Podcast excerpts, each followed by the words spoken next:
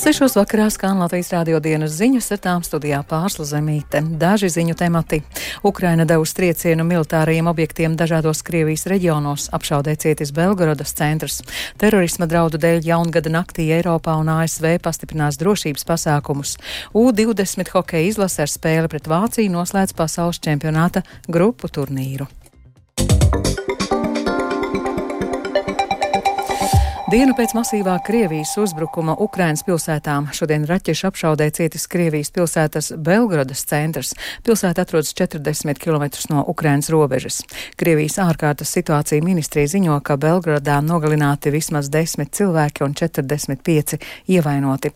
Kā paveistīja avots Ukrainas drošības dienestos, Ukrainas armija apšaudījis Krievijas militāros objektus Belgradas apgabalā, bet pilsētas centrā Krievijas pretgaisa aizsardzības neprofesionāls rīcības dēļ nogāzušās atlūzas. Naktī Ukrainas spēki devuši triecienu militāriem objektiem dažādos Krievijas reģionos. Izdevumam Liga Net pavēstīja avots Ukrainas drošības dienestos. Operācijā bija iesaistīti vairāki desmiti dažādu bezpilota lidaparātu. Uzbrukumā nodarīti būtiski zaudējumi. Triecieni bija vērsti militārās infrastruktūras objektiem Belgradā, Tulā, Tverā un Maskavā. Lai gan daļu dronu notrieca Krievijas pretgaisa aizsardzība, liela daļa no tiem savus mērķus sasniedza. Eiropas un ASV lielākajās pilsētās ir pastiprināti drošības pasākumi pirms rīt gaidāmajām jaunā gada sagaidīšanas svinībām. Pastāv terorisma draudi, kas būtiski pieauguši kara dēļ Gazas joslā, stāsta Uldis Česberis. Rītvakar Eiropas lielākajās pilsētās, ielās un laukumos pulcēsies desmitiem un simtiem tūkstošiem cilvēku, lai kopā sagaidītu 2024. gadu. Šādi masu pasākumi vienmēr rada papildu izaicinājumus iestādēm, kam ir jārūpējas par sabiedrisko drošību. Taču šogad svētku laikā varas iestādes ir īpaši piesardzīgas, ņemot vērā nesenos nāvējošos teroristu uzbrukumus Briselē un Parīzē, kā arī pieaugušos antisemītiskos un islāmofobiskos incidentus, kas ir saistīti ar Izraēlas karu pret terorismu teroristu organizāciju Hamas Gazā. Francijas varas iestādes vakar paziņoja, ka jaungada naktī visā valstī sabiedriskās vietās patrulēs 90 tūkstoši policistu un žandarmu, kā arī 5 tūkstoši karavīru, lai rūpētos par drošību. Galvaspilsētā Parīzē un tās apkaimē būs izvietoti 6 tūkstoši drošībnieku. Iekšlietu ministrs Žerāls Darmanēns sacīja, ka šie drošības pasākumi ir atbilde uz pieaugošajiem terorisma draudiem. Mums priekšā ir jaungada nakts, kad notiks daudz dažādu svētku pasākumu, jo īpaši Parīzē, kuru Elizejas laukos varētu sapulcēties pusotrs miljons cilvēku, kā arī citur Francijā, tostarp aizjūras teritorijās. Tāpēc esmu pieprasījis ārkārtīgi spēcīgu policijas un žandarmērijas dienestu mobilizāciju, ņemot vērā ļoti augstos terorisma draudus, ko rada notikumi Izrēlā un Palestīnā. Francija jau daudzus gadus, jo īpaši pēdējā laikā ir bijusi pakāpena pakļauta terorisma draudiem. Likumsargu un izlūkdienestu uzskatām un efektīva klātbūtne ir ļoti svarīga mūsu pilsoņiem, kuriem ir jāturpina dzīvot un svinēt, ja viņi to vēlas.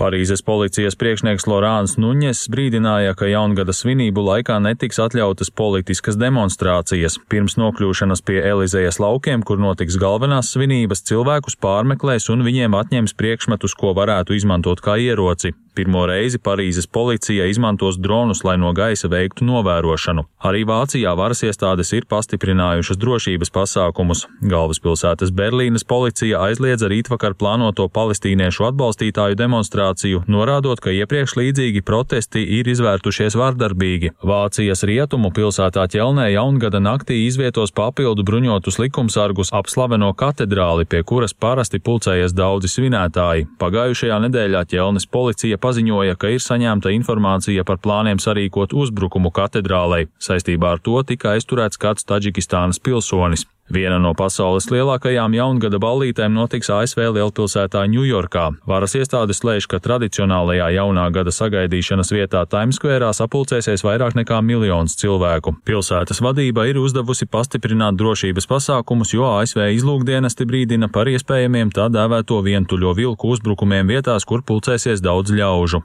Uldis Česberis, Latvijas radio. Simtiem cilvēku šodien Belgradā bloķēja galvenās ielas, lai apstrīdētu rezultātus Serbijas parlamentā parlamenta vēlēšanās, kurās valsts prezidentā Aleksandra Vučiča pārstāvētā progresīvā partija ieguva lielāko balsu skaitu. Šodien Belgradā atsevišķos iecirkņos notiek atkārtotā balsošana, ko nācās rīkot pēc tam, kad tur vēlēšana dienā atklājās nopietni pārkāpumi. Turpina Udis Česberis. Protestētāji, kuru vidū pārsvarā bija studenti, pieprasīja 17. decembrī notikušo parlamenta vēlēšanu rezultātu anulēšanu un jaunu vēlēšanu rīkošanu. Viņi arī apsūdzēja prezidentu Vučiču demokrātijas graušanā. Lielākais opozīcijas spēks Serbija pret vardarbību apgalvo, ka vēlēšanu dienā Belgradā no kaimiņu valsts Bosnijas un Hercegovinas ieradās simtiem etnisko serbu, lai nobalsotu par Vučiča partiju. Pirms tam šie cilvēki esot reģistrējušies fiktīvās adresēs Belgradā, lai gan reāli tur nedzīvo. Valdošā partija visas opozīcijas apsūdzības ir noraidījusi. Labiekārtota Skānstes apkaime, pārbūvēta 5. un 7. tramvaja līnija un pārkārtots satiksmes departaments. Tie ir daži no Rīgas domes šī gada plāniem, kas tā arī nav īstenoti. Tos pašvaldība plāno pabeigt turpmākajos gados. Savukārt pilsētas aktīvistu biedrībā un domas opozīcijā norāda uz viņu prāt ļoti lēno civilās aizsardzības attīstību. Domē gan aizbildinās, ka nākamajā gadā iedzīvotāju aizsardzībai plānoti vairāk nekā 400 tūkstoši eiro, kas pēc pašvaldības teikt teiktā ir daudz vairāk nekā šogad. Kas jaunajā mm, gadā mainīsies un vai rīdzinieki iespējamām krīzes situācijām būs labāk sagatavoti, par to plašāk Viktora Demīdo ieraksts. Rīgā šogad ir pabeigti vairāki būtiski satiksmes infrastruktūras projekti. Tas ir Dauderes salas pārvads, vairāk nekā 12 km garais veloceļš Imanta Daugaugrīva, Brasas tilts un šomēnes atklātā austrumu maģistrāle. Taču ar daudz dzīvokļu māju siltināšanu galvaspilsētai iet slikti. To atzīmē Rīgas apkaimju aliansē, norādot, ka piemēram Valmierai un Limbažiem ar to sokas krietni labāk. Biedrībā arī uzskata, ka Rīgā trūkst vietu, kur aktīvisti varētu varētu pulcēties, izvērtēt domas darbu un paši iesaistīties pilsētas attīstībā. Risinājums Pašvaldībai nevajadzīgus īpašumus vajadzētu atdot, piemēram, apkaimes biedrībai, nevis kādam par zemu cenu pārdot. Tā saka alianses vadītājs Māris Jansons, norādot, ka pilsētai būtu aktīvāk jāattīsta civilā aizsardzība. Šī doma jau tur redz ir pareizais virziens, uztaisīt normālu pārvaldu ar labiem speciālistiem, bet vai tur būs arī pietiekami daudz naudas tām aktivitātēm, Es ceru, ka būs. Nu, tas ir tāds gadiem ielaists jautājums. Tāda sajūta, ka tas ir vairāk tāds viss politisko partiju izšķiršanās jautājums, un viņi te pārvaldei tur iedos to naudu kaut kādām aktivitātēm, kā viņi prasa, vai arī iedos tur uh, trešo daļu un teiks, vairāk mēs jums nedosim, mums vajag citur. Un es teiktu, ka šī ir tā vieta, kur nevajag taupīt. Kopumā Latvijā situācija ar civilās aizsardzības attīstību ir satraucoša, tā uzskata domas opozīcijas deputāts Andris Morozovs no saskaņas, sakot, ka Igaunija iespējamām krīzes situācijām ir ievērojami gatavāka. Rīga nekas nav ne gatavs, ne arī liecina par to, ka mēs tuvākajā laikā būsim gatavi. Ja mēs runājam par 25. un 6. gadu, skatoties uz to pašu Real Baltiku ievilkto projektu, tad nu, mēs neesam pārliecināti, ka mēs 25. un 26. gadā varēsim runāt par to, ka darbi ir pabeigti. Mums jau bija tāpat kā Igauniem jāpabeidz šie darbi, jo nevis atkal tikai runāt un vāvuļot, bet uh, sen jau bija jāizstrādā un jāizdara sekojošās uh, gan uh, darbus, gan arī pieņemt arī mērus, lai šajā gadījumā iedzīvotāji saprastu un zinātu, kas viņam jādara, ja nu kaut kas slikts varētu notikt. Šogad Rīgā izveidoja civilās aizsardzības un operatīvās informācijas pārvaldi, kuras pārziņā ir nodrošināt, lai rīdzinieki iespējamām krīzes situācijām būtu gatavi. Par veiksmīgu šo gadu sauc pārvaldes vadītājs Gins Reinsons, kurš gan nevarēja pateikt, cik daudz naudas civilai aizsardzībai Rīga šogad ir veltījusi. Reinsons apgalvo, ka nākamajā gadā tai plānots atvēlēt 420 tūkstošus eiro, kas pēc viņa teiktā ir krietni vairāk nekā šogad. Jāmin to, ka esam izstrādājuši Rīgas valstspilsētas sadarbības teritorijas civilās aizsardzības plānu, aktualizējuši vairākas tieši sadaļas būtiski, tās mainot. Viena ir par eh, radiācijas piesārņojumu, par ekstremāliem laika apstākļiem un, protams, pasākumu militāru apdraudējumu vai kara gadījumā, kā arī pasākumu kiberdrošībā. Šo civilās aizsardzības plānu mēs eh, paredzam publicēt eh, janvāra beigās pēc Rīgas domas sēdes.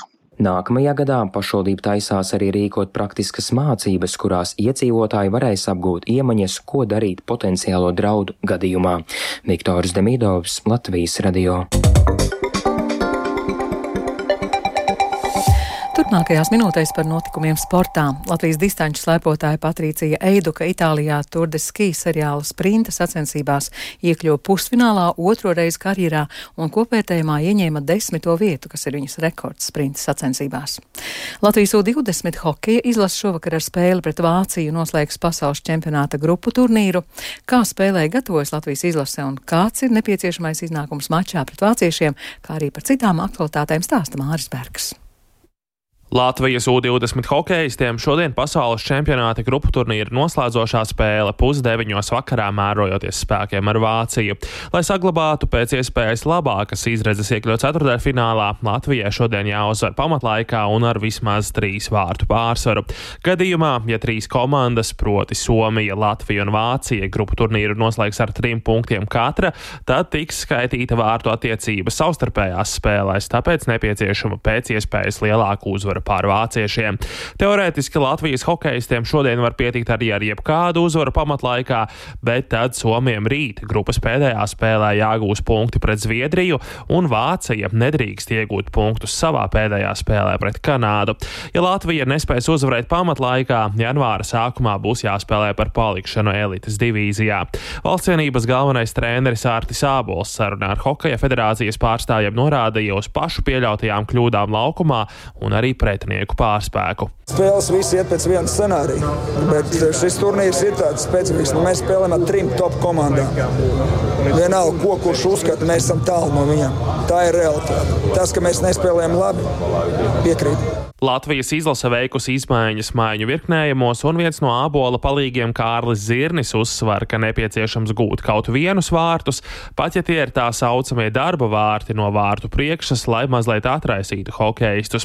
Zirnis arī ieskicēja, kā šajā turnīrā spēlē vācieši, kuri jau paspējuši pārsteigt ar 4-3 uzvarot Somiju. Netipiski Vācijai viņi varbūt neatmetās ripu tik daudz, nespēlē tā kā, teiksim, uz augšu vai uz ziemeļiem, hokeja terminoloģijā varētu teikt. Jā, viņi griež atpakaļ, atmet viņus diezgan. Tā kā, tas tāds savādāks, kas pirms tam varbūt nav bijis. Latvijas-Vācijas spēle pasaules čempionātā hokeja U20 vecuma grupā sāksies pusdeviņos vakarā. Nacionālajā basketbola asociācijā kārtējo uzvaru šorīt izcīnīja Bostonas Celtics, kas ar 120-118 apspēlēja Toronto Raptors. Kristaps Porziņš spēli izlaida, lai atpūstos un pietaupītu kreisās kājas ikra muskuli, jo problēmas tieši ar šo muskuli basketbolistu nomoka jau kopš sezonas ievada. Pie jauna galvenā trenera klubā ticis viens no Latvijas izlases līderiem Rolands Šmits. Viņa pārstāvētais Lietuvas Grāns Kaunis Žalgiris šodien apstiprināja, ka tiek pārtraukta sadarbība ar līdzšinējo galveno treneri Kāzi Maksvīti. Žalgiris Eirolīgā zaudējis nu jau sešas spēles pēc kārtas, vairāk kārt neveiksmīgi aizvedot tieši spēles galotnes. Maksvīša vietā Kauņas komandu turpmāk trenēs pazīstamais itāļu basketbola speciālists Andrejā Trinkjērī. Latvijas vīriešu handbola izlase šodien Baltijas jūras kausa izcīņu Ludzā noslēdza ar uzvaru pret Somiju ar rezultātu 30-24. Latvijas izlasē ar astoņiem precīziem metieniem izcēlās Roberts Rāncāns. Pirmajās divās spēlēs Latvijas handbolisti piekāpās Lietuvai un Igaunijai. Janvāra vidū Latvijas handbola izlasēja Eiropas čempionāta priekškvalifikācija, tajā spēlējot pret Luksemburgu. Par sportu šovakar tas arī viss. Ar to izskan Latvijas rādio dienas ziņas. Producents Viktors Pupiks ierakstus montēja Jūtas Grīnbergs par labskaņu rūpējās Katrīna Bramberga. Ar jums runāja Pārsla Zemīte. Rīgā 4 grādi, ziemeļrietumu vējš 5 m2, gaisa spiediens 752 mm, gaisa relatīvais mitrums 89%. Latvijā gaidāms mākoņains rīt pēcpusdienā valsts austrumos skaidrosies, naktī daudz viet lietus, slapjš sniegs, sniegs, dienā vietām nedaudz sniegs, naktī vietām migla un atsevišķos posmos ceļi slīdēni. Rietumu ziemeļrietumu vējš 4,9 m2 jūras piekrastē brāzmēns, dienā vējš būs lēns. Gaisa gaisa temperatūra. Latvijas dienvidos - mīnus 1, plus 3, valsts ziemeļos - 0, mīnus 5 grādi. Rīgā naktī un no rīta nokrišņi, gaisa temperatūra - naktī 0, plus 2, dienā ap 0. Laika tips naktī 3, nelabēlīgs, dienā 2 labēlīgs.